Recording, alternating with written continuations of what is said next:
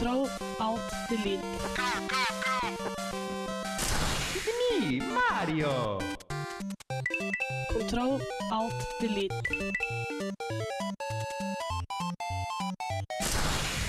Unable to comply.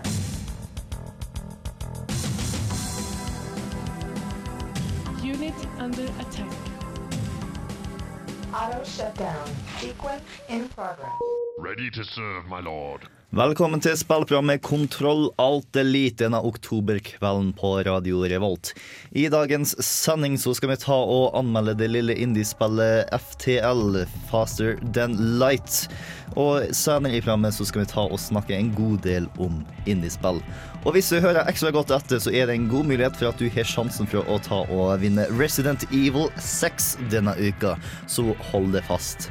Men aller først skal vi ta og høre litt på Askefast ma- for- av ungdomsskolen.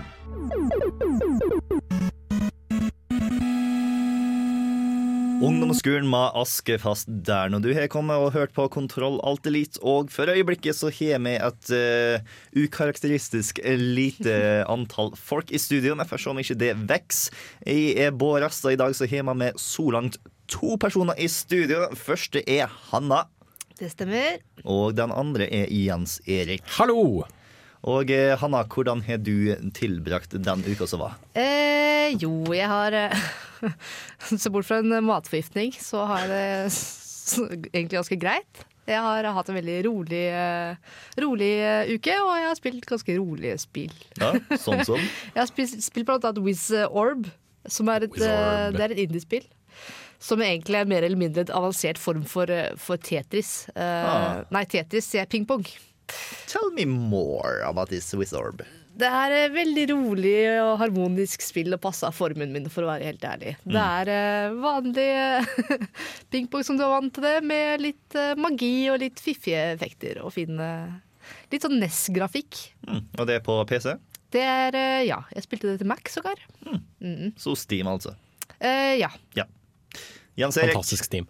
Uh, jo, det har gått en del i et nytt Worms-spill som har kommet ut uh, i det siste, Worms Revolution. Um, og jeg kan vel egentlig bare si at det er det er Worms, akkurat som du husker det. Det er, det er litt ny sånn vannfysikk, så du kan skylle motstanderen din ut i havet og sånt nå, hvis du vil det. Men ellers så Det er Worms. Det er todimensjonalt. Du kryper disse markene bortover, og så sprenger du hverandre med diverse ting. Og that's it, egentlig. Man kan liksom ikke si noe mer enn det.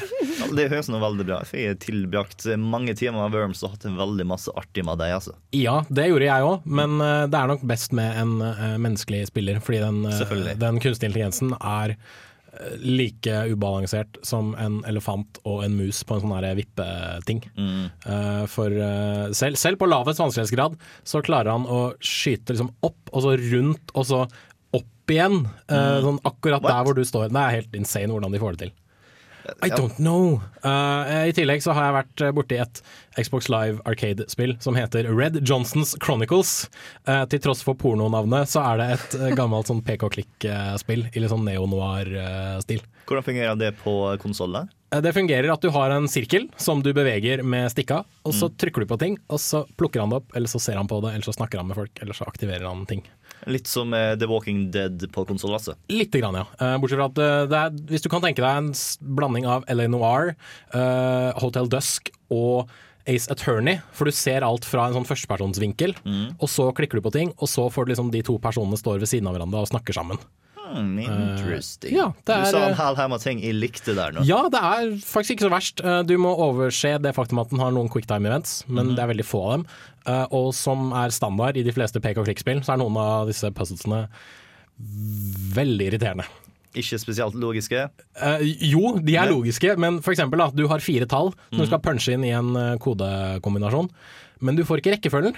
Så må du sitte der da i sånn en time og bare OK, hva er det jeg ikke har prøvd? Skal vi se. 2, 5, 3, 4, det gikk ikke. 4, 3, 5, 2, det gikk ikke. Og så, så må du sitte der da. Og, Det høres ut som du blir lurt til å være med å knekke koder på sykkel. Men, eh, men ja. Ja, altså det er en del sånne ting også. Det er annet en sekvens hvor du skal åpne ti postkasser, alle med hengelås på. Og alle postkassene har et hint til tallene du skal bruke i hengelåsen. Ja, så da, da sitter du der da bare øh, ok. Men du kan be om hint og sånt, så det er greit. Er det et langt spill? Kan jeg bare spille ta ferdig på et par dager og ha fortsatt mange gode høstspill framfor meg? Det har en sånn åtte-ti timer til sammen, faktisk, av gameplay. Uh, og i og med at du blir stuck et par ganger, så tror jeg kanskje du kan plusse på litt flere timer. Men hvis da ikke ventinga er en del av disse åtte til ti timene, da. Ja. Uh, jeg har for så vidt ennå ikke fullført det, fordi jeg har nettopp har stått fast på dette ene hvor jeg skal taste inn disse jævla tallene, og så skjer det ingenting. Det var en gang jeg spilte det lengste reisen da jeg var liten. Sto fast i et år. Det var sånn Var det der med den Anna, så skulle du plukke opp den nøkkelen fra Ja, ja, ja, ja, ja. Jesus Christ! Makes no sense. Fun, hva, hva faen? Men ja, jeg, Og så har jeg spilt litt Skyrim. ja. Men jeg har også tatt og svalt spilt i samme point and click, nemlig, som jeg nevnte der nå, Walking Dead. For endelig så har jeg fått uh, stasjonær PC-en min tilbake. Så nå har jeg tatt og kobla den opp mot TV-en min, og så kobla jeg til en PC-kontroller, og så prøvde jeg Steam Big Mode, og jeg må si I'm mighty impressed. Det føltes som en konsollopplevelse når jeg tok og spilte. Mm. Jeg også gleder meg litt til det. Jeg Yes. har planer om det. Og uh, Walking Dead episode 3 fortsetter i den. Og herregud, ta her nå er så jævlig, jævlig mørkt. Traileren for episode fire eh, er nå ute. Eh, jeg så en YouTube-kommentator som skrev det at eh, Å bra, jeg hadde ikke noe å være veldig deprimert over før dette kom. Ja, jeg har også kjøpt meg ny bærbar, Uh. som jeg gleder meg på. Hvor masse brukte du på denne? Eh, jeg har brukt 22 000 på ny bærbar. Wow!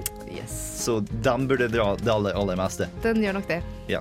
Forhåpentligvis så kan du gjøre mer på den enn å bare høre på Calexium av Algiers, sånn som vi gjør nå. Til tross for at det er en veldig god sang. For eksempel. Denne uken i Spillnytt. Og denne uka her nå så er det du, Hanna, som har tatt av funnet tak i mesteparten av nyheten. Og sånn som jeg har forstått det, så er det masse som har skjedd i Spill Norge. Er ikke det rett? Ja, eller masse og masse. Um, Mer enn vanlig, vil jeg påstå. Det er ikke så masse som skjer i Norge som jeg skulle ønske jeg gjorde. Ja. eh, I hvert fall så første jeg tenkte å nevne, er Selv om jeg gruer meg litt til å si navnet hennes, for jeg vet ikke om jeg sier det riktig, så bær med meg hvis det er feil. Hadia Tajik. Nei, hun heter Stephanie. Det var nesten, da. So close. Uh, vår kjære, kjære kulturminister. Jeg får sansen for henne, altså. I hvert fall når det første hun gjør, er å doble spillestøtten til norske spill. Det var, det var jo planlagt for så vidt, men uh, ikke noe galt med å få det allerede neste år. Ja. Um, og det er gledelig. Det har jo vært latterlig spillstøtte, hvilket har vært kommentert av svært mange. Eh, så spillnerder kan bare fryde seg.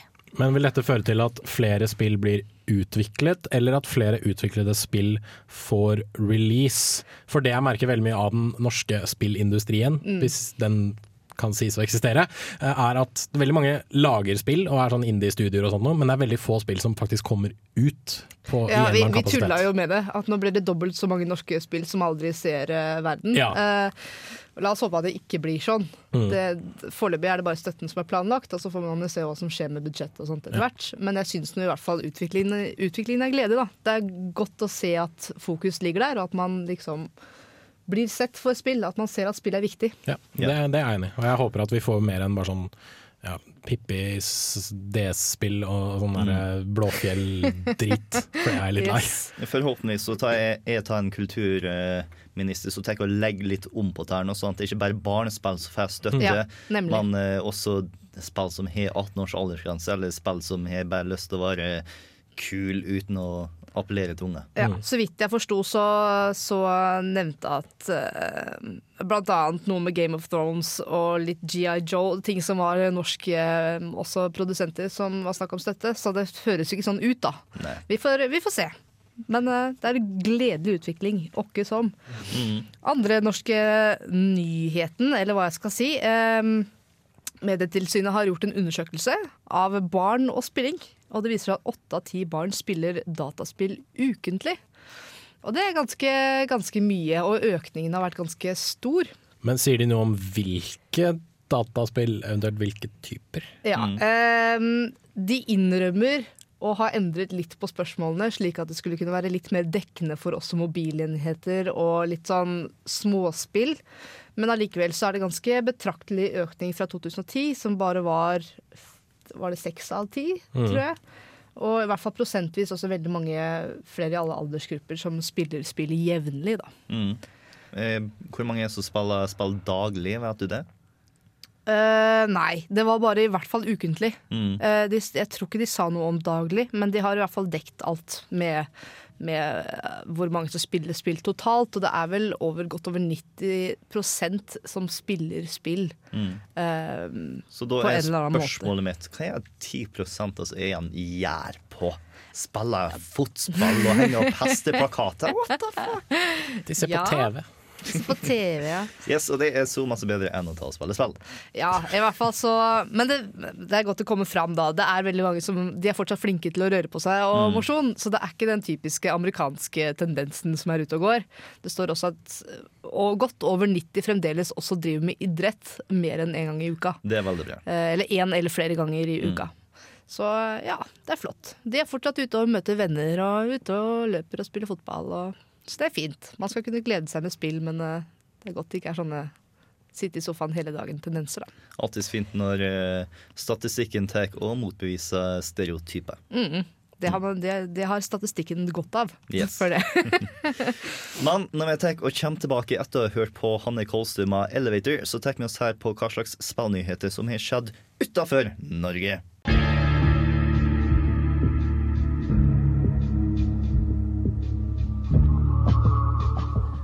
Og det er ganske passende at vi fikk de koselige valvetonene der nå, fordi at i forstand sånn at de kan ta og bruke Steam på jobben uten å ta og føle dårlig om det. ja, det er også en måte å formulere det på. Yeah. Eh, Det kommer kanskje an på hva du bruker Steam til, da, men Nei, nei! Ja, det, det gir deg i hvert fall en unnskyldning du kan kjøre på hvis du blir tatt med Steam åpen. Hvis det var sånn du ville ordlegge det. Det handler om at eh, Steam åpner for annet enn spill også. Eh, det er snakk om litt sånn nytteprogrammer, foreløpig i hvert fall. Det er det det er mest av. Eh, men planen er jo da å kunne ha en plattform sånn som Eh, blant annet utviklingsprogram, altså plattform mm. Ja, det er også noe Photoshop-ish. Ja. Mm. Type den kategorien, selvfølgelig, selv om Photoshop ikke kommer til å Ja. Um, og noen ytelsesverktøy, sånn som 3D Mark 11 for å sjekke grafikk um, og sånt. Foreløpig er det i hvert fall det, men planen er jo større. At man skal kunne ha en del programmer tilgjengelig på Steam som ikke er nødvendigvis relatert til spill. Mm. Uh, og det har vært planer om det før, uh, men de har hatt problemer med å få plattformen på beina, så vidt jeg har skjønt. Og nå har de endelig jeg hører at det skal være achievements i disse programmene som uh, blir solgt gjennom det, Steam. det er noe riktigere om det, ja. Ja. Og det hadde jo bare vært faktisk fryktelig morsomt. Spør Men, du meg. men, men tror vi dette kan bety at Steam kan nå brukes til å kjøpe enda flere ting etter hvert? Kan vi etter hvert leie film gjennom Steam? Jeg håper jo det. Det som eh, Motivasjonen tror man er litt det med Windows eh, Store, som kommer på banen og skal ha en egen eh, spillbutikk. Mac har kommet med, eller kommer med en egen spillfokusert type Apple Store. Så de ønsker vel å utfordre hverandre litt konkurransemessig, tror jeg. Så det blir litt spennende å se hvor, hvor mye de har lyst til å legge i, legge i konkurranseinstinktet her. Det, Jeg håper på at vi ser på en framtid hvor jeg kan ta og kjøpe The Cabin in the Woods på Steam og få achievements for å ta og høre på eh, commentary checket. Da er jeg glad. du må ha bekreftelse på nerdinga di her, hører jeg. Det. Eneste, bekreftelse eneste bekreftelsen du trenger, det er her. Dette er Blu-rayen min. Det er det du trenger. Åh, ja. Jeg ser for meg alle disse småbarna som sitter og setter på commentaryen og legger seg til å sove. Jeg bare skrur av lyden på høyttalerne. Achievement Men det, det kan være sånn der Spotify-greie at når du skrur Når du setter høyttaleren din på mute, så pauser den. I hvert fall, det, det, er den, det er det den gjør i reklamene på Spotify hvis du ikke har betalt for det. Åh, ja. Men yes, så det er eh, Men vi får se. Yeah. Det blir eh, også mye spennende der, tror jeg. Og så en litt sånn kosenyhet da, som jeg ville ha med, fordi jeg er Nintendo-fan. Mm. Eh, så er det rykter om nytt Banjo Kazooie-spill. Uh. Og det er sånn eh, Men til Nintendo-konsoll, eller? Det er det ikke. Det er ikke kommet så langt ennå engang. Okay. Eh, vi er i det stadiet hvor de vurderer kickstarter for å få midler til å, å lage spillet.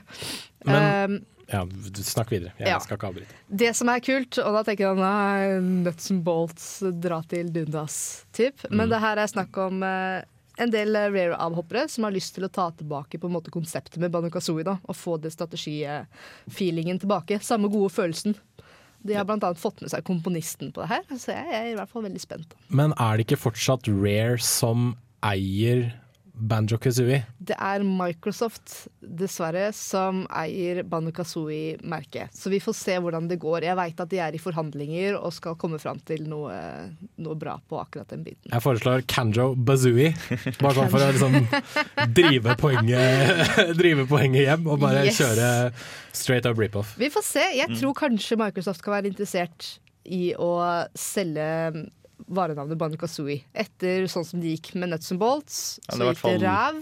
Eller i hvert fall lisensiere det ut, sånn at Ja, Microsoft får en jeg tror, bit av de, kaka. ja, jeg tror ikke de selv er interessert i å lage et nytt Banu Kazooie-spill, er det jeg prøver å si. Så de Rare lager bare sånn Kinect-ting nå. Så. Ja, det som Ja. er igjen av Rare nå, er alt annet enn det Rare var tilbake på Ja. 90-tallet. Så når du ser avhoppere skal ta utviklet her nå, så er jeg kjempeglad. Ja.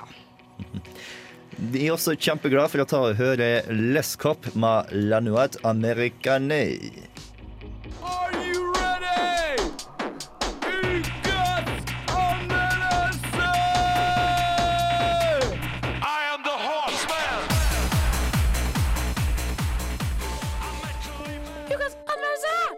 Romlogg. Romdato eh, er nær enn i går. I og med et mannskap har nå reist gjennom seks av de åtte sektorene vi må komme oss gjennom for å nå føderasjonens flåte og stanse opprørernes flaggskip. Vi hadde litt uflaks og ble ganske hardt skadd etter et møte med noen overivrige tollvakter, men vi er heldigvis fremdeles intakt. Nå er planen å svinge innom nærmeste verksted rett etter at vi har hjulpet hvem enn det er som har sendt ut dette nødsignalet. Jeg visste at noen kom til å falle for den utspekulerte fella vår. Oh, come on! Ikke rompirater igjen! Kaptein, skjoldet vårt er ned! Crap! Phillips, hjelp Om med å få opp skjoldet igjen. Kaptein, de har teleportert soldater inn i skipet. De saboterer motorrommet. Maskinisten er allerede død! OK, åpne alle dører mellom motorrommet og utsida. La dem puste vakuum. For seint, kaptein! Dørsystemet er ned! Incoming! Faen i helse... Romskipssimulatoren FTL, Faster Than Light, er et spill av den gamle skuren. Da snakker jeg ikke bare om den enkle, men vakre pikselbaserte grafikken, eller den stemningssettende chiptunes-musikken, men også om den høye vanskelighetsgraden. Du kan bruke en liten evighet og føle at alt går din vei, bare for å ende opp med å starte på nytt fordi at du gjorde et par feil, sånn som i scenarioet du nettopp hørte. For i FTL, som i andre rogelikes, så er døden permanent. Heldigvis så føles det alltid at det er hos det feilen ligger, og ikke hos spillet. Og som så mange andre spill fra de gode gamle dager, så kan du runde dette spillet på to timer dersom du vet hva du gjør. Det hindrer ikke undertegnede fra å bruke 20 timer før han endelig så opprørerens flaggskip gå opp i flammer på easy. FTL er et spill med mange muligheter, og som krever at du tenker taktisk. Det er derfor veldig bra at spillet er flink til å gi deg oversikt over alt som foregår til enhver tid. All informasjon blir lett delt visuelt over den oversiktlige skjermen. Du kontrollerer ett enkelt romskip, som du i løpet av den lange reisen mot Føderasjonens flåte vil kunne oppgradere arsenal, installere system og rekruttere mannskap til. Alt du ser av romskipet, er mer eller mindre en interaktiv plantegning over romskipet ditt, hvor hvert enkelt system holder seg til sitt eget rom. Systemer som skjold, våpen, robotkontroll og den ganske så viktige oksygengeneratoren. Enkelte system blir mer effektive når de er bemanna, og skadde system krever reparasjon for å fungere igjen. Dermed går kampene ut på å angripe motstanderens system nok til å uskadeliggjøre en, for så å sprenge skipet hans før han får gjøre det samme mot det. Dette kan du gjøre på de mange forskjellige måter, som av klassikeren rå makt, eller midlertidig paralysere det aggressive systemet, mens du som en kirurg kutter vekk det livsviktige systemet, eller bare teleporterer soldater over og dreper mannskapet hans. Gjenspillingsverdien i spillet ligger i at du etter hvert får tilgang til andre romskip med andre våpenoppsett og dermed helt andre spillmåter. Det som er langdrygt og idiotisk på ett skip, en sikker død for motstanderen på et annet skip. FTL er et spill som lett kunne blitt knotete, uoversiktlig og frustrerende, men takket være godt spilldesign og effektiv informasjonsformidling klarer å være elegant, intuitivt og ekstremt morsomt. Dersom du har en liten Kirk eller Picard i magen, så kan du lett bruke flertalls av timer med FTL. Bare husk rådet en annen romkaptein en gang i tida ga. Don't get cocky, kid. Karakter 8,5 av 10. Der hørte du rompiratbandet Said med Space Pirates Return. Passende nok rett etter FTL-anmeldelsen min. Eh, og Said spiller faktisk på Familien i dag, og dersom du har lyst på gratis billetter, så burde du være kjapp og stikke inn på radiorevolt.no akkurat nå, hvor vi har en konkurranse. Mann, FDL, Faster Than Lights. PC-spillet du kan ta og plukke opp for 10 euro på Steam. Hvis jeg ikke tar helt feil, så var dette et av, disse, det var en av de første spillene som fikk en sånn suksess i Kickstarter-kampanje. Ja, det her nå ble kickstarta, og det var penger vel investert. investert. For det her nå var et kjempeartig spill, altså. Sjøl Selv om det til tider var irriterende å dø. Ja, men det er det jo i de aller fleste Det spill, er det ikke det? være det i spill. Yes. Men uh, du nevnte uh, rogue-like, Ja. Uh, for de som ikke helt vet, hva det er. Roguelike er på en måte en ty eh, spesial type RPG, hvor det er snakk om eh, permanent død og eh, random maps. Det er sånn hver gang jeg tar og dør i eh, eh, FTL, så starter jeg helt på nytt. Som om jeg aldri har spilt før, med unntak av alle skipene jeg unlocka og sånt. Og eh, da så Ikke noe oppgraderinger, ikke noe. Og eh, de mapsa jeg går gjennom, de er også random generated.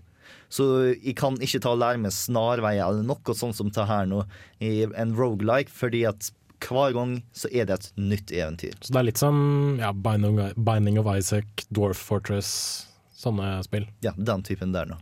Det forklarer jo at det er litt tidkrevende med Bård. 20 timer på Easy. Yeah. Forklar det for meg. Vel, øh, først og fremst øh, så prøvde jeg meg på normal, og normal gikk ikke for alt i verden når du var ny, altså. Der kom jeg meg knapt nok ut av den første sektoren før jeg døde. Eh, og eh, jeg lærte Vel, jeg, lær, jeg tok kanskje ikke oppgraderte skipet mitt sånt på gang etter gang, men jeg lærte meg triks. For eksempel et viktig triks som alle dere som har lyst til å spille FTL burde vite, er å ta og bruke så masse tid inni hver sektor som du overhodet kan. Eh, Du blir jaga hele tida til høyre av eh, opprørsflåten som kommer og jakter på deg og banker livskiten ut av deg dersom eh, du er uforsiktig. Man tar og bruker all den tida du får, fordi at det betyr at du kan oppgradere skipet ditt mer og sparke mer ræv i de senere sektorene. Det lærte ikke jeg, og derfor hver gang jeg kom til sektor 6, så gikk det fra å være en enkel kamp til å være en sikker død. Hens 20 timer. Hvor mange, hvor mange dødsfall tror du? Det må ha vært i hvert fall 30 skip som er gått tapt opp igjennom. eh, Og hvor mange crew members er det plass til per skip? Det er plass til sånn 80 crew members. Ikke det at det var fulltall i alle gangene, men eh, det har i hvert fall vært 100 mann som satte min, til, sin lit til meg, som kanskje ikke burde ha gjort det. Men du sier jo det at det er eh, Altså det er en, tydeligvis en Altså det er permadeath, dette her. Du må jo starte helt på nytt igjen. Men er det noen mulighet å liksom sette ting på en loop? Må du hele tiden pushe deg fremover, eller kan du bare liksom bli sittende et sted og, liksom, og grinde opp uh, uh, ressurser og mennesker og, og sånne ting? Nei, nei, nei. Siden opprørsflåten hele tida pusher det til høyre mot uh, exit-beaconet hvor du skal hoppe til neste sektor, så kan du ikke ta og bare sete rolig og grinde. Du har hele tida nødt til å ta og bevege det. Bare prøv å gjøre det så sakte som mulig, sånn at du får grinde mest som mulig. Eh, og det verste med å ta spillet her nå, er at jeg tok og satte meg ned og spilte det spillet klokka ti en kveld. Bestemt meg for nå skal jeg ta Aldri game etter klokka ti på en kveld. Ikke med Aldri. nye spill. Jeg tenkte Nei. jeg skal ta og spille to timer, bare for å ta og prøve å ta spillet her nå. For eh, Og så ble det veldig artig, og jeg kunne ikke stanse. Og så spilte jeg til det jeg trodde Trodde var klokka to. Klokka to viste seg å være halv fem, og pga. FTL så ødela det hele søvnrytmen min i ei uke.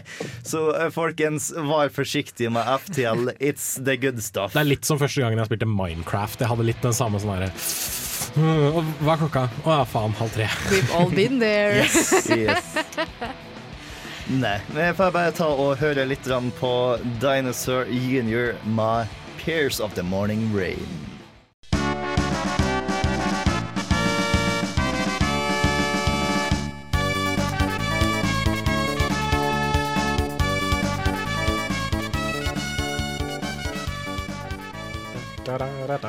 Litt grann seiersrus der nå, kanskje prematurely for noe noe, for noen kommer til å vinne Resident Evil 6 på en valgfri plattform. Takket være Space World på torget. Trondheim torg, altså. Ja. Burde kanskje spesifisere det. Ja. Det er mange torg der ute. Så dere Space World på Kristiansund torg, det det er ikke dere. Er det Space World der? Jeg har ingen anelse om Kristiansund torg en gang eksisterer.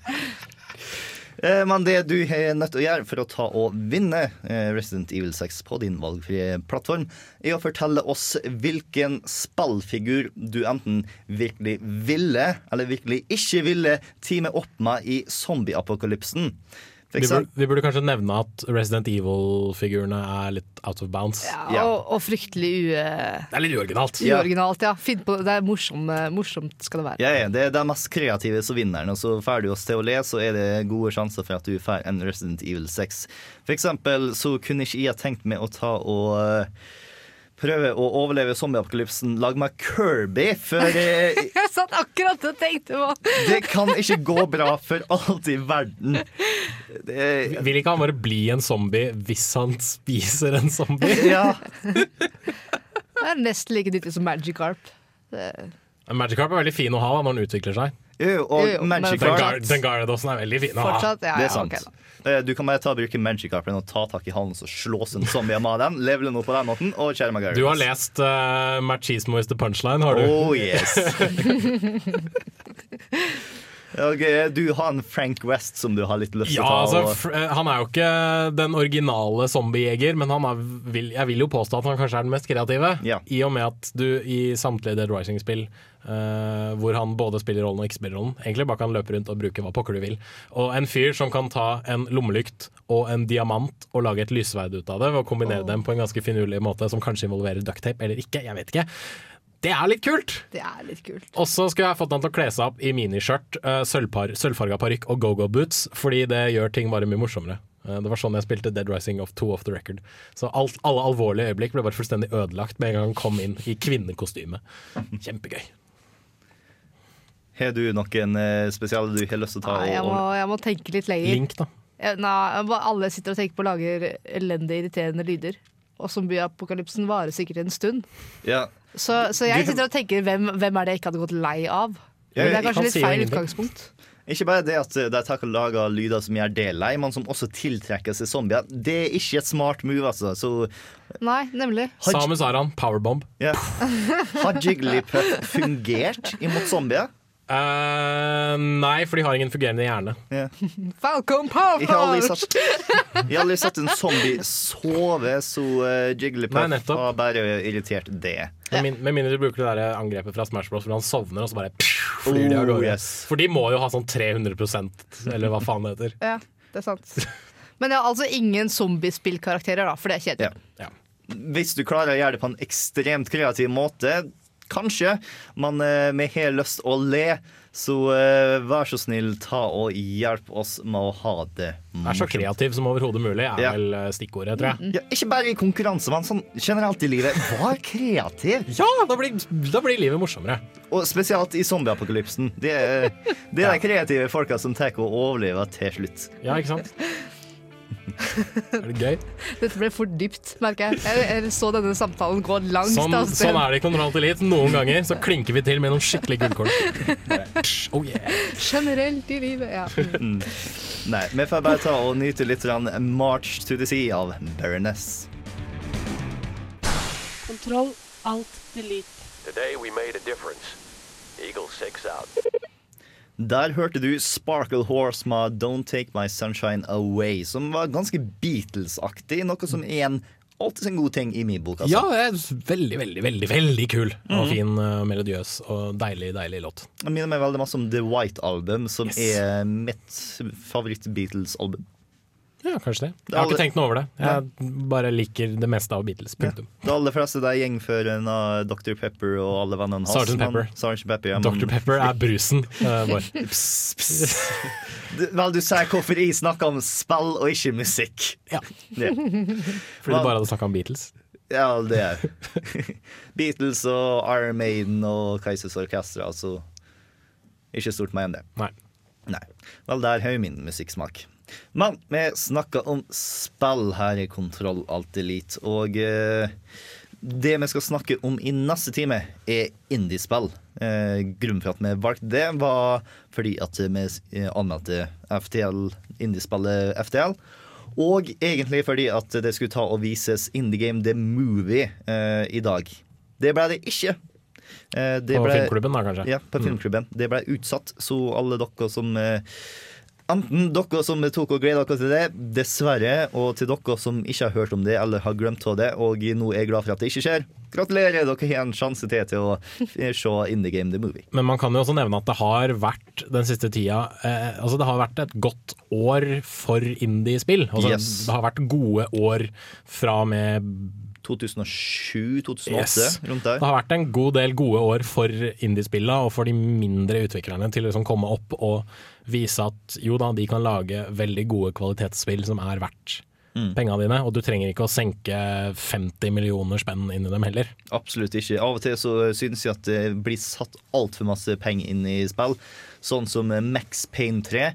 Den har sånn 100 millioner dollar i budsjett, og jeg tenker å spille gjennom det spillet og tenker herregud, dere kunne tatt og bare brukt 50 millioner på å ta spillet her nå, og jeg har ikke lagt så særlig masse til merke til forskjell på det. Det er Rockstar, vet du. Det er Rockstar. Og eh, vi får nå se om de tjener inn igjen seg 100 millionene sine på Max Payne. Det var ikke så altfor godt det spillet solgte. Men neste uke så har vi lyst til å ha temateamet tematime om zombier. Så eh, dersom du har lyst til å snakke om zombier uten å ta inn Resident Evil 6, så er det bare å ta og sende inn eh, dine spørsmål eller kommentarer om zombier, zombiespill, overlevelse i zombieapokalypsen etc. til nerd.radiorevolt.no. For øvrig også hvis du har lyst til å snakke med oss, for vi liker når vi har lyttere som har lyst til å ta og snakke med oss. Men hva må man gjøre for å høre på den andre timen? Vel, eh, dersom du nå hører oss på eh, FM for en eller annen merkelig grunn, så burde du ta og få på radiorevolt.no og ta og streame oss. Eh, Da jeg mistenker at du kanskje hører på oss via podcast. Men nå får vi ta og høre litt musikk i slutten av første time. Denne gangen her nå er det Stoneguard med From Dusk til Doom.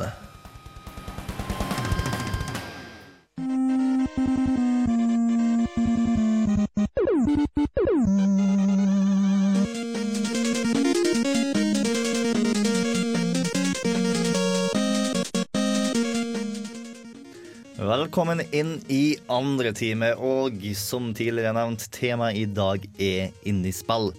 Og eh, da skal vi ta og begynne med noe vanskelig, nemlig det å ta og definere indiespill, fordi at det er så mangt. Eh, Mikkel, som er stamgjest her nå, kom med et ganske godt poeng her om dagen, som han egentlig skulle komme med i studio, men eh, så dukka han ikke opp. Så ja, ja. Han er vel litt opptatt nå. Han er veldig litt opptatt, så vi får bare ta og komme med poenget hans før han. Eh, poenget hans var at eh, indie-spill er litt som indie-rock. En gang i tida så var indie-rock definert av at det ikke ble utgitt av noen spesielle folk, men nå så er det mer en sound det går på enn det tekniske bakom økonomi og advokater og whatnot. De kan ikke musikk, som er allerede nevnt. Eh, så Jens Erik, hva er det du mener er indiespill? Å, herregud. Nei, som du sa, det er jo absolutt ikke enkelt å definere. For hva skal man egentlig gå for? Det er jo så veldig mange ting man kan ta tak i. Det er litt som å prøve å definere en filmsjanger. ikke sant? Western det definerer du ut fra ikonografi. Science fiction det definerer du ut fra teknologien. Melodrama det definerer du ut fra følelsene. ikke sant? Men det er så mye med indiespill. Det er, som, det er som, okay, som regel, da. Det er små utviklere. Uh, som regel én person til sånn kanskje ti. Eh, Kanskje litt flere, kanskje? Ja. Vel, med Som- tanke på hvor stort eh, spill De største spillene bruker nå mange hundre personer. Ja. Så eh, det å ha 30 er i dag egentlig et ganske lite studio. Skummelt nok. Ja, det er i hvert fall eh, et, eh, som regel et ett til tosifret tall. Eh, Det er mindre penger som er involvert i produksjonen. Eh, Som regel så prøver de kanskje å uttrykke noe som disse eh, storspillene ikke uttrykker. Eh, Prøver kanskje å si noe personlig om personen som står bak. eh, Noe om noe de mener skikkelig sterkt om, eller noe man bør tenke litt over. Um, og så har du jo som regel en, en, en spesiell stil da, rent sånn grafisk, eventuelt sånn gameplay-messig. Uh, og veldig mye indiespill i det siste har på en måte gått for sånn, den retro, altså R-E-T-R-E-A-U-X. Ja. Ha, det var ny. Faux retro, altså okay, liksom retro. da De går liksom for pikselgrafikk, men, og liksom, er en stil da, som, som ser gammeldags ut, men som allikevel er moderne på en eller annen måte. Typ Fez er en sånn yeah. typisk retro-spill, da med den merkelige tingen bak. Um, så, ja, jeg, jeg vet ikke helt om jeg kan definere det noe særlig fastere enn akkurat det. Det er, litt sånn, det er en sånn blob som du når du prøver å ta tak Det er litt som når, når du prøver å ta tak i eh, en blanding av sånn eh, maismel og vann, og så blir det skikkelig hardt. Og når du slipper det, så bare flyter det ut. ikke sant? Det er litt sånn, Når du prøver å ta tak i det, så klarer du kanskje, og så begynner du å tenke litt etter, kanskje slipper definisjonen litt, og da bare faller det sammen. Er det litt lite håndfast du skal fram Ja. til? Ja, der har vi det. Mm. Takk! Hva er du mener at indiespillet er, Hanna? Har du noen tanker rundt det hele? Jeg føler jeg har litt sånn idealistisk eh, definisjon Ja. på indiespill. Jeg, jeg, jeg føler at indiespill er mennesker som presterer noe de egentlig ikke hadde forutsetning for å få til så bra som de gjør. Eh, Er det litt sånn feil å si det? Jeg føler folk som ikke har mye penger, som får det til veldig bra uansett. De har ikke så mange penger, men får det til utrolig bra uansett. Eh, og selvfølgelig kan store selskap også gjøre det, det er ikke det jeg sier, men noen som går veldig mye mer for spill enn eh, altså spillets de, de går for eh, en guts og en feeling de har, da, uten å stoppe på at det her kanskje går dritt, eller at det her kanskje Ja. De tør å satse mye mer enn enn folk som uh, har Indieutviklere alle er altså modige folk. Ja. Jeg, det er litt sånn helter, for det. Jeg tror akkurat det du nevner der kan ha kanskje litt med budsjettet å gjøre. Ja. Det er litt som en lavbudsjettfilm. De Istedenfor at de sier at å ja, vi bare løser det med datagrafikk, eller Mm. sånt, så går de for løsningene som kanskje ikke er de smarteste, men det er kanskje de mer kreative Mm. enn det de gjør hvis de ha, hadde hatt så mye penger. Da. Mm. Og det man ofte, eller ikke ofte, da, men det man kan se, er jo at et veldig påkosta spill kan jo krasje som bare rakkeren, akkurat som en veldig påkosta film, Transformers. Transformers. Uh, mens eh, filmer som kanskje har litt lavere budsjett, hvor du har en, en regissør eller en skaper eller en bakmann som har veldig mye kreative løsninger på liksom, OK, dette har vi ikke råd til, hvordan gjør vi? Nei, vi bygger en pappmasjé-figur eller noe sånt. noe. Det, det er ikke alltid at det ser bra ut, men det er en kreativ egenart ved det, kanskje. Men det trenger jo ikke å se så bra ut heller. Nei, for å liksom, det er ikke der det ligger, føler jeg. Jeg vil også påstå at uh, av og til så er sa nødvendighetsløsningene egentlig bedre løsninger enn de du har gjort dersom du var lat og har alt mulig rart. For eksempel Haisommer. Har Haisommer blitt lagd i dag, så har jeg definitivt vært en masse verre film enn det den var på 70-tallet. Fordi du hadde sett haien hele tiden. Ja, greia med Haisommer er at det, det var sånn tre roboter, eh, robothaier, som jeg tok og brukte, som aldri fungerte! Da fikk det ikke til å fungere i hele tatt. Så det Steven Spielberg har nødt til å gjøre, var å ta og ikke vise haien. Og når han tok og bare hinta veldig masse til haien i stedet for å vise den, så gjorde det haien så utrolig masse mer skummel enn hvis du har sett haien i trynet hele tida, fordi at da kunne du identifisert den frykten. Skrekkteasing. Ja, Det liker jeg. Rett og slett. Og, og det samme greia er med f.eks. Metal Gear, det originale spillet, plattformgreia. For der så eh, har de ikke nok maskinkraft til å ha massevis av eh, motstandere på skjermen hele tida. Så det jeg gjorde i stedet der nå, var å ta sakte én til to motstandere på skjermen om gangen og snike forbi dem. Eh, og det skapte en helt ny sjanger, fordi at de har nødt til å gjøre noe annet. Og uh, i, i dag dagens spillutviklere så har teknologien kommet så utrolig langt at de på toppen de bare tar og utvikler ny teknologi for å ta og bare gå rundt problemet, mens de på tidlig 80-tallet har nødt de har nødt til å skape noe nytt fordi at problemer problemet sto så masse i veien for det de har lyst til å ta og gjøre. Så når du har lite budsjett, så har du nødt til å bli god. Selv om jeg, jeg syns ikke du skal få trampe helt på det. Ja. Fordi selv om folk nå har veldig mange muligheter, og teknologien er bra, så syns jeg ikke nødvendigvis at det setter en stopper for at folk er flinke til å bruke Nei, nei. fantasi og utnytte ja. Bare sånn at jeg Sant nok, skjønte det er riktig. Ja. Uh, en ting jeg også tenker, som du kanskje var litt inne på, Bård, er det at uh, Du nevnte jo Spielberg, og han, har jo, han i hvert fall har jo vært en del av den generasjonen med filmregissører som har vokst opp med yeah. film. Mm. Og det vi ser nå, er spillutviklere, spesielt disse indie-folka, som har vokst opp med dataspill. De er sånn rundt fra 25 til 35-40 år gamle, kanskje, og har siden barndommen De har hatt en Atari, de har hatt en Nintendo etc. Og liksom vokst opp med alle disse spillkonsollene. Og derfor går det liksom Da gjør det litt sånn som Spielberg gjorde med f.eks. Indiana Jones-serien. De ser OK, hva likte jeg som barn? Hvordan kan jeg ta tak i det og på en måte dra det inn i denne tidsalderen, mens det fortsatt har en eller annen egen art. Da.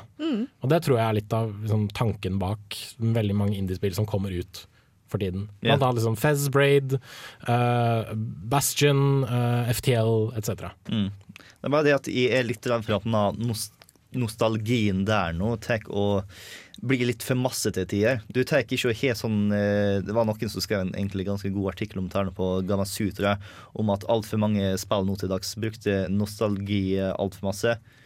Eh, og eh, ikke på en god måte, hvor de bare har ta her, nå husker jeg fra barndommen min, ta og se på det, i stedet for å ta og ha noe utviklende med den nostalgien de har inni seg. Ja, altså, kun, altså kun nostalgi, det, det hjelper jo ikke.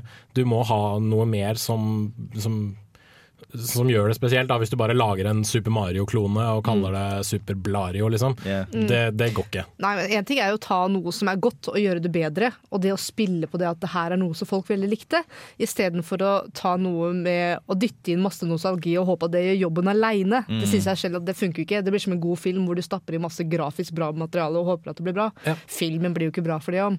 Sånn gjelder det jo med spill og nostalgi også. En annen ting som jeg liker veldig godt med indiespill, er at det gir muligheten for en autør. Eh, For dere som ikke har tatt eh, filmvitenskap, sånn som jeg og Jens Erik, eller en annen fag som involverer ordet autør, så er en autør en skaper. Eh, Basically, en forfatter er en autør. I filmverdenen så er det regissøren som oftest som er en autør. Og det er sjeldent at du ser autører i spillverden, i hvert fall på de med sånn gigantisk eh, budsjett. Fordi at der så har du ikke muligheten for at én person skal ta for å definere alt. Du satser utrolig masse når du tar og eh, satser på en autør. Men eh, når du har små budsjett, hvor du egentlig kun har tre personer uansett, og du har en person som har veldig trua på det en dag, og er autør på den måten der nå, så wow, det kan bli så veldig masse godt ut av det. Nå vil jo jeg påstå at vi har noen eh, dataspillautører i de større produksjonene også. Ja. Du kan som regel kjenne igjen et Shinji Mikami-spill, et Hideki Kamiya-spill, uh, Suda 51, ikke minst der, som visse trekk. uh, Bethesda eksempel, det er mer et selskap som Ja. autør, men de har en viss type spill som de stadig Ja. går for. Det skal jeg gå an på at uh, i Vesten så har jo mer selskap som har en eller annen mantra, et mål de har lyst til å oppnå, mens i Japan så har de liksom da disiplin som Og du har han store fyren helt Ja. øverst som mm. Japan er egentlig de som har disiplin nok til å ha en autør, fordi at de respekterer den personen nok til å følge hans stemme, mens i Vesten så er det litt mer eh, kommunistisk kreativitet. Og tipper Shigeru Miyamoto, da. Shigeru Eller motor, selvfølgelig. At han er en autør, ja. yeah. For sine spill. Du ser når det er et Shigeru Miyamoto-spill også. Ja, og ikke minst det at han, da han lagde disse første Zelda Mario-spillene, så tok han jo ting som han likte å gjøre da han var yngre. Zelda er jo basert på at han utforsket en skog som lå bak huset hans, Og Pikmin var små maur i hagen eller noe sånt. for eksempel. Ganske morsomt. Så jeg tror det, det ligger også litt der da, at de tar inspirasjon fra ikke bare barndom, men også ting fra verden som de kan stappe inn i spill på en eller annen måte. Yes, og eh, det er noe sånn eh, spill blir kunst. Med at du tar og lager en kommentar på verden rundt det, på personene rundt det, og alt sånt som tær nå. Og eh, når vi kommer tilbake etter å ha hørt eh, Adventure fra Fess, så skal vi ta og diskutere indiespill og kunst. Og da har vi endelig tatt og fått flere stemmer inn i studio. Nå føler jeg litt mer som kontroll alt elite her nå, for nå har Sondre endelig fått tida til å joine oss. Mm, vel, ja, jeg ønsker meg sjøl velkommen etter. Velkommen etter. Tusen takk. Og eh, hva er det du tar og definerer som indiespill, nå som vi har tatt og hatt en liten runde her nå? Ja, jeg har ikke fått med meg hva dere har sagt, men det er jo den store forskjellen mellom hva folk skal virkelig tjene penger på, og hva er det folk lager fordi de er glad i spillet. Mm. Og det er så klart det er veldig mange store eh, spillselskap som lager gode spill, men de gjør det fordi de vil få det her konseptet frem. Mm. Jeg er litt sånn frem og tilbake, men jeg syns et indiespill er når det er litt trangt med penger. Det er litt Du må ta jobb jobbe ekstra. Du har en annen jobb på sida, de fleste som er der, og de går sammen, en del folk, for å lage noe. Og da er det veldig mange gode som kommer til PlayStation på PlayStation PlayStation Network og Ja. eh, Xbox Live alt mulig. Mm, og så finnes det også veldig mange gode flashspill, som Mm. jeg definerer da som gode indiespill. Jeg var veldig klar for å glefse på den definisjonen der, for jeg satt og venta på den. Med at eh, store spillselskap eh, bare er ute etter penga.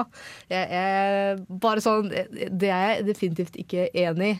Jeg tror vi bare kan gruppe Activision og EA under liksom den generelle ute etter penger-definisjonen. Ja, men stakkars Blizzard får jo bite for deg likevel, liksom. Eh, jeg Stakkars sa det, stakkars Blizzard. Det er så synd på Stakkars. Blizzard, som tjener så jækla mye Ja, penger. men Blizzard har vært på indiespillstadiet, de også. Disse gutta som lager spill for Blizzard.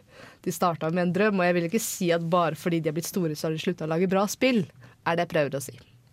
Ja, men så er det jo slik at uh, janteloven gjelder jo veldig godt. Hvis noen får det til, så er det ikke indiespill lenger. Nei, det var Ifølge det. de andre spillselskapene. Du skal ikke tro du er noe bare Nei. fordi du får penger, nei. ja. Men nå går spørsmålet ut til salen her nå. Hvordan er indiespill det store håpet for eh, kunst og spill? Det å definere spill som kunst?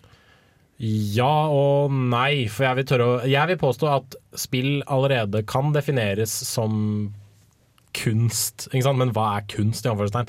Hvis det er noe som er ute etter å Ok, nå går jeg inn i retorikk-ting, men hvis det er ute etter å bevege, behage, belære, eh, så gjør jo dataspill allerede det.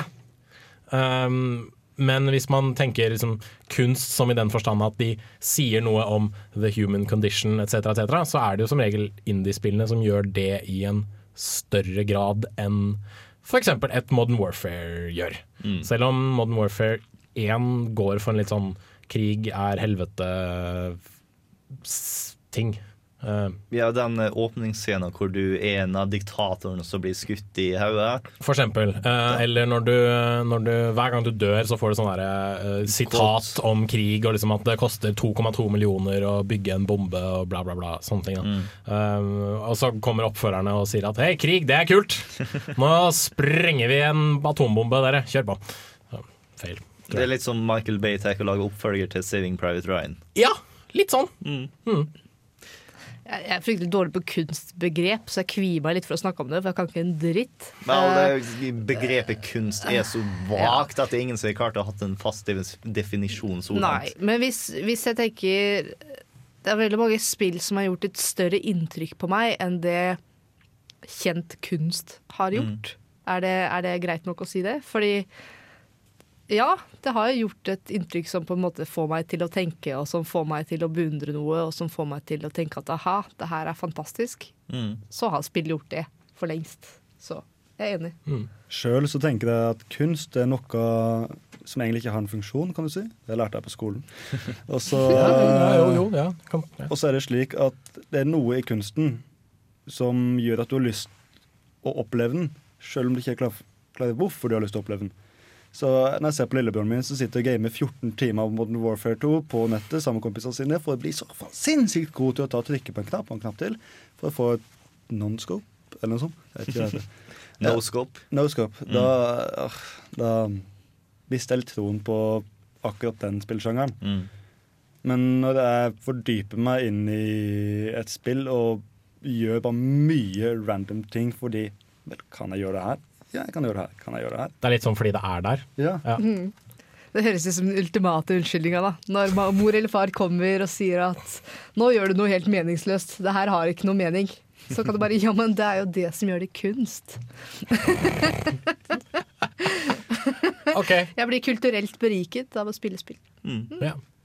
Nei, jeg synes sjøl at det er en viss eh, sammenheng mellom eh, små budsjett og eh, kunst, egentlig. Eh, de spillene som egentlig har hatt mest påvirkning på meg, hvor jeg har liksom ransaka litt hva slags person er det jeg virkelig er. Eh, som, det er det jeg liker å tenke på kunst. Det å ta og stille et speil opp mot deg sjøl og få deg til å reflektere på deg sjøl. Det er gjerne spill som kanskje ikke er helt laveste budsjetter, men er sånn, eh, de har ikke mange millioner i seg. Walking Dead, for eksempel. Jeg har funnet ut at jeg er den personen Jeg en, i en forferdelig situasjon, så ville jeg prøvd å holde prinsippene faste, og jeg ville hele tida bli brent på, men fortsatt holde på de prinsippene. Og eh, når jeg spilte Catherine, så fant jeg ut eh, Jeg fikk en hel haug med spørsmål, f.eks. for eksempel Har du heller lyst til å ta og date noen som er yngre eller eldre enn det? Og så vil ikke spillet fortsette før du har svart på det. Og da måtte du liksom ha en liten sjølrensakelse der nå. Bare finne ut hva slags person er det i virkelig er, før du kan fortsette å ha det artig og dytte på blokka og eh, se halvnakne kvinnfolk.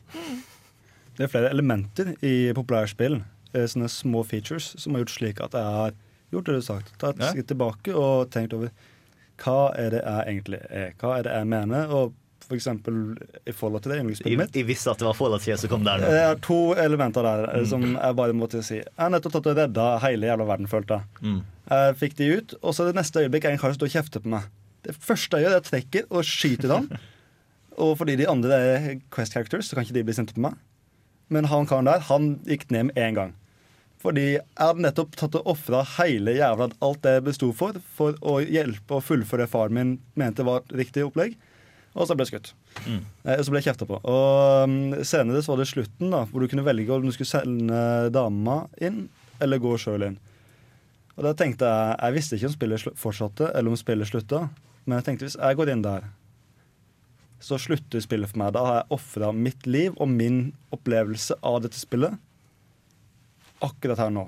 Hvis jeg sender hun inn, så er det hun som dør. Skal jeg la hun ofre seg fordi jeg ikke gidder? Eller ikke har lyst? Skal jeg, prøvde å sende inn alt det jeg kunne sende inn, roboter og sånn der, og han der supergutten som ikke ville ha noen effekt, men nei, de ville ikke gå inn.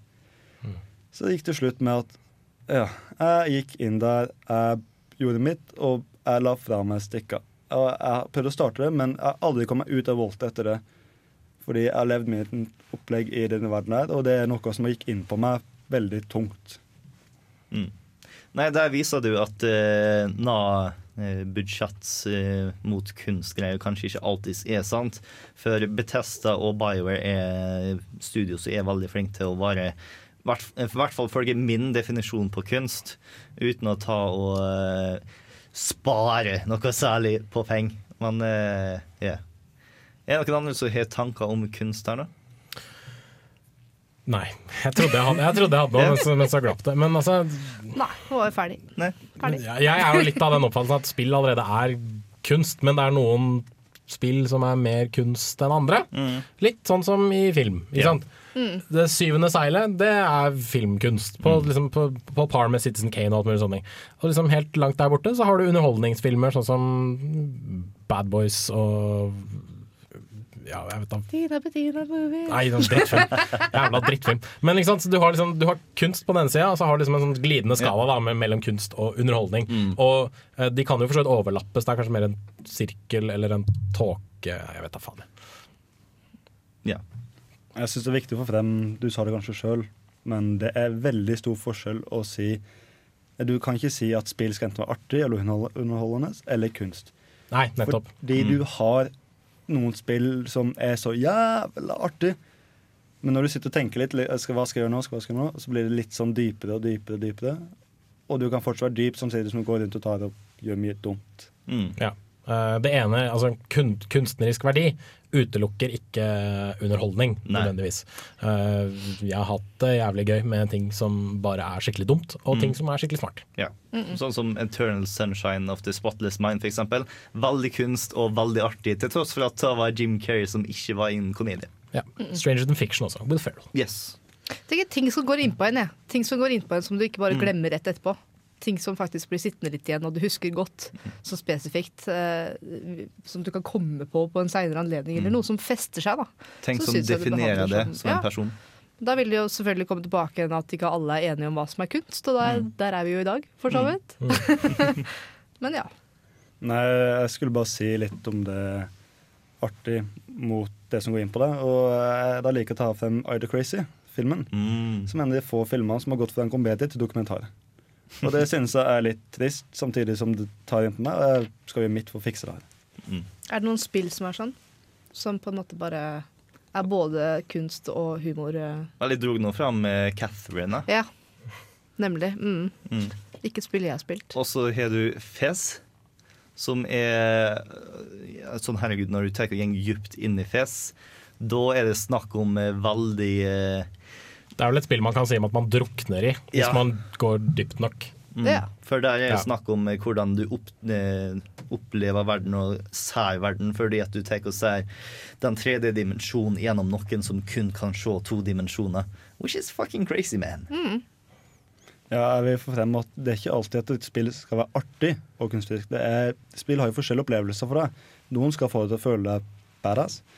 Noen skal få deg til å bli trist, noen skal få deg til å tenke over ting. Og mens andre spill skal da samtidig som de får deg til å føle noe, vise at det er mer enn bare det du opplever akkurat nå. Mm. Godt sagt. godt sagt. Når vi tar og kommer tilbake, så skal vi ta og snakke litt om hvordan indiespill tar og pusher spilling som et medium. Men først så skal vi ta og nyte noen søte toner fra FTL Faster Than Light. Eh, Den tonen vi hører akkurat nå, er title screen Space Cruise. Der har du Ben Pretty, som komponisten til FTL heter, med Space Cruise. Kan jeg bare påpeke at begge eh, låtene vi har spilt nå fra to indiespill, har vært sånne chiptunes-låter. Ja, ja, det, det som jeg tok og nevnte tidligere, det er nostalgie. Ja. Og eh, vel For å være helt ærlig så er jeg litt glad i den teknologiske nostalgien, egentlig. Fordi at eh, det er god musikk som er chiptunes. Det er vakker Ja, ja. grafikk som er 2D-pikselbasert grafikk. Mm. Og som, som vi har nevnt tidligere, hvis du går tilbake til de tidlige 3D-spillene, de ser jo ganske rumpe ut, yeah. for å være helt ærlig. Og hvis du går tilbake til de senere pixel-spillene, sånn Final Fantasy 6, uh, Legend of Zelda, Link to the Past etc., de er jo fortsatt utrolig fine å se på. Yeah. Og bare altså, Kanskje ikke når du blåser opp det sånn 500 ganger i størrelsen, men det, det ser fortsatt veldig bra ut. Jeg må få med at når jeg var ganske liten, så tok jeg og så på baksida av et cover og så fantastiske screenshots. Og jeg tenkte åh, nå har nettopp kommet en perfekt forandring av grafikken som har gjort alt sammen uh, lifelike. Det var et pek og klikk-spill. jeg var, gleder meg så sinnssykt til å spille spillet. Hæ? Var det Mist? Det var mist. Ja. Yes, men eh, nå skal vi ta og snakke litt om hvordan indiespill tar og pusher medier. For er det én ting jeg liker, så er det folk som tar og leker seg med medier. For eksempel, en av yndlingsfilmene mine er Memento, fordi at en, eh, Christopher Nolan tar og leker med hvordan eh, film blir fortalt. Eh, I Memento så er, er hovedpersonen en person som har ti minutters korttidshukommelse og har ingen langtidshukommelse i hele tatt. Jo, han har en langtidshukommelse opp til et visst punkt, Ja, ja på et må jeg påpeke. Da han var i sånn tidlig 30-åra, så slutta han å huske langtidshukommelse. Og nå har han levd mange år uten å ha noe langtidshukommelse i hele tatt. Så sånn, han husk, eh, sånn du opplever, på samme måte som han opplever verden på, er at du ser de ti siste minutter kronologisk, og så er jeg ti minutter før der, ti minutter før der, ti minutter før der. Sånn at uh, du aldri vet hva som skjedde rett før nazien her nå. Du sitter med den samme kunnskapen som han besitter på det Nettopp. punktet. Mm. Og eh, det er en fantastisk fin måte å ta og fortelle historien på, som egentlig er ganske Kanskje ikke unikt til film, men som er, er veldig gjennomført i film. Hvis du har lyst til å gå glipp av en skuffelse, ikke bestem deg for å sette ned i kronologisk rekkefølge for å se hva som skjer. Det er en litt god- kult å se filmen sånn også, for det fungerer å se den i riktig rekkefølge. Ja, det var en god film, men du mista hele den der Jo, Du mister etter- omfen på slutten, det gjør du. Ja, etter gjør du. at du har sett den én gang, så spiller det vel kanskje ikke så stor rolle. Nei. Men, eh, men ja, ikke Men- gjør det første gang du skal se filmen. Nei, absolutt ikke. Nei. Da, da stjeler du veldig masse fra deg sjøl. Men det var kanskje ikke poenget.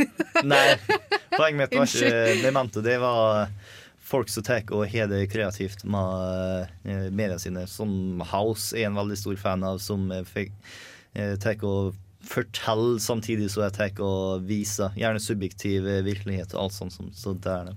Eh, Men det jeg da tenker litt på, er at er det mulig å altså, Ikke alle indiespill er sånn, selvfølgelig, men med denne uh, barndomsspillnostalgien som vi ser veldig mange indiespill benytter seg av, er det da mulig å pushe mediet framover samtidig som du prøver å, å, å gjenskape litt nostalgi? Det er veldig noe å ta og påstå. For Fess for eksempel tok og eh, viste en helt ny måte å ta og spille på som ingen har gjort før, samtidig som det har den teknologiske nostalgien. Og eh, Braid tok og viste hvordan du kunne ta og fortelle en historie og eh, moment gjennom gameplay. Og igjen todimensjonal Mario-nostalgi. Og ikke minst det at uh, historien er fra hovedpersonens uh, synspunkt. Eh, ikke fra et sånn tredjepersons synspunkt, selv om du kanskje ikke vet det helt fra starten av. Paper Mario. Også 2D-type. Super Mario. Mm. Trenger ikke Kanskje å ikke være indiespill, da, men Nei, jeg bare tenkte på medier generelt. Jeg som Ja. kunne pushe sammen med nostalgi. Det er sant. Uh, Ja. Men vet noen om noen gode eksempler hvor indiespill har starta, som eh, Triple A-industrien har kasta seg på ideer? hmm. Det er jo jævla mange stilige konsepter. For eksempel du har eh, Nå kommer ikke jeg på noe her. Det er vel mer det at det er indie-spillutviklere som har blitt kjøpt opp og bare Mm. kasta Synga-logoen på. Sånn eh, Draw Something var noe indie, og nå har det blitt Synga. Og Uh, Angry Birds var Ja. jo indie, og nå har de en gang i ikke tida, da var Angry Birds noen som satt i en kjeller og programmerte, og nå så har småunger T-skjorter med Angry Birds på seg. Så er det Angry Birds godteri og faen meg ikke måte på. Men eh, en ting jeg kom på, som Sondre spurte om, det er ikke så mye at uh, storindustrien har plukka det opp, men uh, Minecraft ble jo kopiert eh, av Terraria, vet jeg. Mm. Uh, og, men på den annen side, Minecraft kopierer jo fra andre ting også. da. Så om, om, det er noe, om det er en analogi som fungerer eller ikke, det vet jeg ikke helt. Men uh, ja. Ja. Nei, det er egentlig litt sånn uh, indiespill burde ta fungere.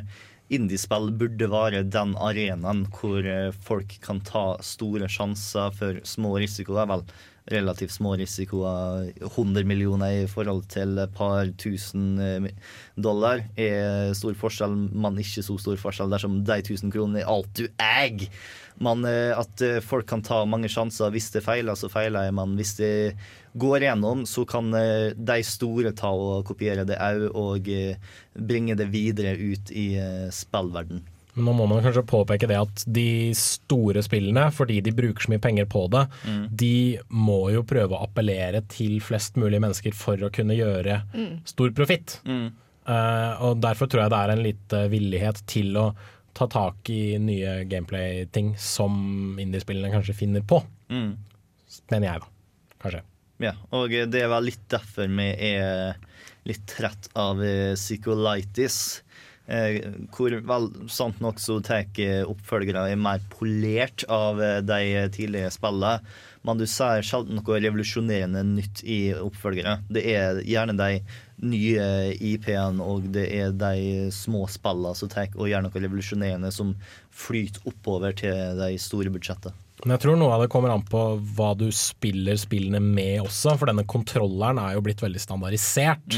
Eh, altså, Sett en Xbox-kontroller og en PS3-kontroller mot hverandre, og strengt tatt det eneste som er forskjellig, er D-paden og hvor venstre stikke står på kontrolleren, og liksom hvordan utfor kontrolleren utformes.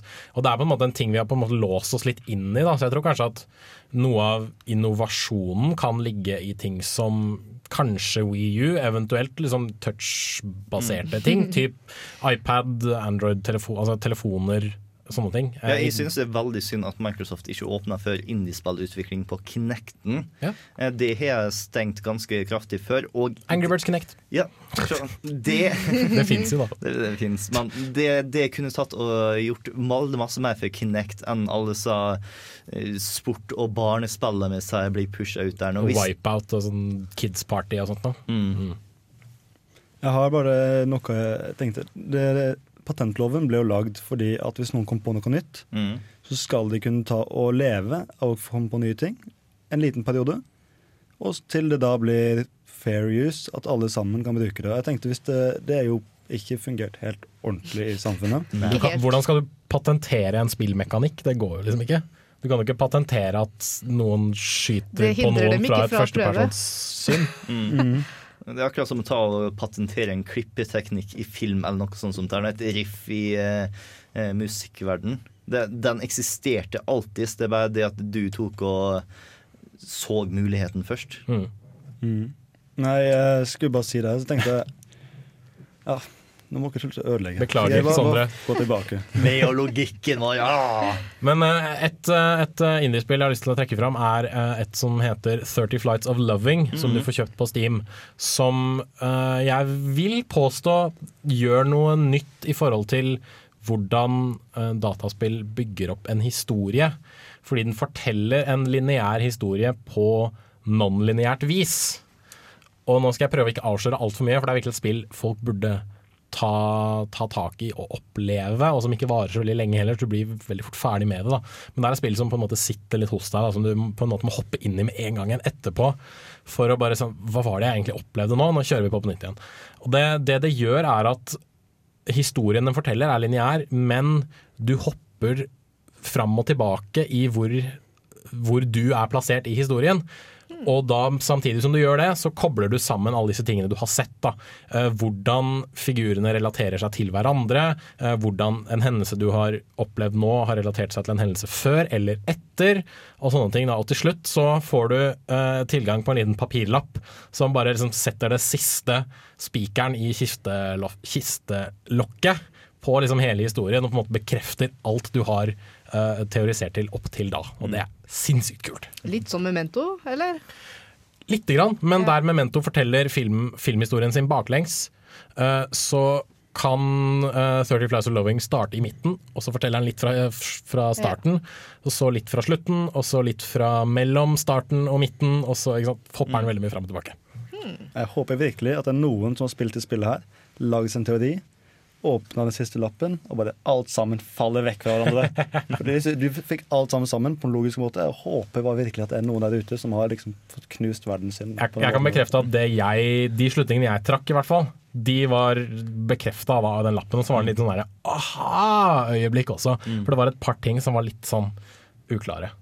Ta minner meg om et annet indiespill eh, som handler om eh, hvordan du kan ta og gå vekk ifra linær eh, historiefortelling. For i ta spillet her nå som var lagd via Gmod, om ikke tar feil, så skal, har du en fortellerstemme som forteller det hun skal gjøre.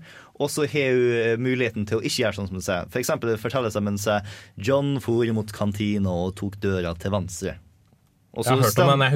Og så står det noe med to dører fremfor deg, og du kan gå i venstre hvis du vil det, men du kan også gå til høyre, og da begynner fortellerstemmen å bli liksom Nei, han gikk i feil dør fordi at John var i dag ganske dum, men heldigvis så tok han til venstre nå. Og så går han til høyre igjen. OK, John var kjempedum i dag og har slått seg veldig hardt i hodet eller noe sånt som er nå, men han kunne bare ta og snu seg og gå tilbake til kantina nå. Jeg har også spilt et spill der. Husker ikke Mm. helt nøyaktig hva det heter. Men jeg tror også, hvis du går nok ganger til høyre, så sier han Men egentlig så var jo den høyre døra den veien til Katina. Det visste Jon! Og Så hele opplegget blir sånn Det flettes sammen, sjøl om du i all evighet bare tenkte å være en drittsekk. Ja, men det må du jo. Eller sånn. Ja, ja. må jeg legge meg litt på det der med, med uh, en fortellerstemme. For uh, Bastion, som var en del av uh, Xbox Live Arcade i fjor, Mm, ja, To år siden?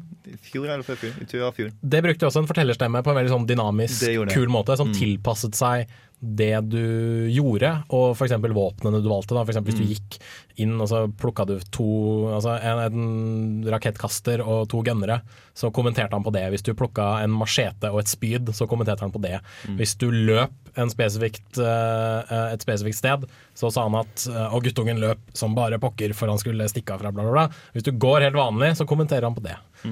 Det likte jeg. Og det er også en måte hvordan du kan ta den, bare den kjedelige fortellerstemmen som alltid sier det samme om igjen og om igjen og om igjen, og om igjen, og liksom revampe den da, og gi den litt mer sånn kontekst i spillet. Men alle de tinga her dere har sagt nå, er jo om hi- historietellinga og om den er lineært eller andre. Yes. Det må jo være andre ting som indiespill gjør, som da dytter industrien virkelig videre. Det er jo som Bård nevnte, da. Fez gjør jo det til en viss grad. eh, I forhold til sånn perspektivforandringer og sånne ting. Uh, Braid gjør det litt også med tids... uh, Tidsperspektiv. perspektivet, ja. At når du går framover, så går tida framover. Går du tilbake, så går tida tilbake. Og, og ringer sånn sakten, Senker tida og, og så videre. Ja. Mm. Now. Ja. Nei, det, det irriterer meg litt at vi ikke klarer å huske navnet på fortellerstemmen. Vi skal slå det opp i løpet av neste låt. Yes, vi skal ta og høre litt på Siden du snakka om Bæsjin, så må vi nesten ta, høre litt Bæsjin-musikk her. Med Build That Wall. Og i mellomtida så skal vi ta og finne ut navnet på det spillet. Yes, The Stanley Parable var navnet på det spillet vi snakka om. Som for øyeblikket faktisk prøver å få seg en HD-remix. Så hvis det høres interessant ut, logg det inn på Steam og ta og greenlight det. Eh, med mindre det allerede eksisterer, og det er bare lyst til å komme seg på Steam. Hvis det er det, så prøv å laste ned. Usikker, vi tar og minimerer det vinduet. Og så tar vi og avslutter denne diskusjonen vår om indiespill, fordi at eh, vi begynner å nærme oss slutten. Yes. Man, eh, hva var ta Sier du som bare har vært der i tre kvarter. Å, slik en lang dag for han Sondre. Nei, han har gjort skolearbeid. Yeah. Men eh, hva var ta spørsmålet du tok og spurte, som jeg måtte ta og svare ganske raskt på? Hva er det indie-spill tar å bevege på i, innenfor uh. Spill som, spill som en medium? Ja, vi, eh, vi har jo nevnt veldig mange forskjellige måter å fortelle en historie på. Mm. Men eh, det er også veldig mange måter å oppleve en historie på. Mm. Med spillmekanikk. Og for eksempel hvis du har spilt Journey, så er det jo slik at jeg fant ut at vel, fuck det her. Jeg var litt bakfull, skal jeg innrømme, så istedenfor å ta springe mot det sydlige, snudde jeg meg og sprang andre veien. Og så ble det blåst tilbake igjen. Mm. Og det er jo noe som forteller at du kan ikke løpe av gårde, det her det er skjebnen din, følte jeg. Og, bare, og så så jeg det på extra credits etterpå, og da bare Da følte jeg meg veldig deep. Mm. Nei, for det å ta og fortelle en historie gjennom kun gameplay, sånn som Journey gjorde, det er noe du ikke kommer til å se med et 100 budsjetts eh, 100, 100 millioners budsjett. Kanskje med et 100 budsjetts. Det, det høres ut som noe et hundebudsjett kunne klart gjort. Men et 100 millioners kommer ikke til å fortelle en historie kun gjennom gameplay. Det er skumle greier. I hvert fall for de som sitter på penger, typ Bobby Kotick og mm. uh, uh, Fuck! Nå glemmer jeg hva han der duden i EA heter. Uh, Mr. EA. ah, John Riccatello! Yes! Mm. Success! Du virker veldig macho akkurat nå. Jeg vet det. Nei, jeg tenker meg bare at uh, det er litt sånn Nei, kommer de til å forstå det her nå, da?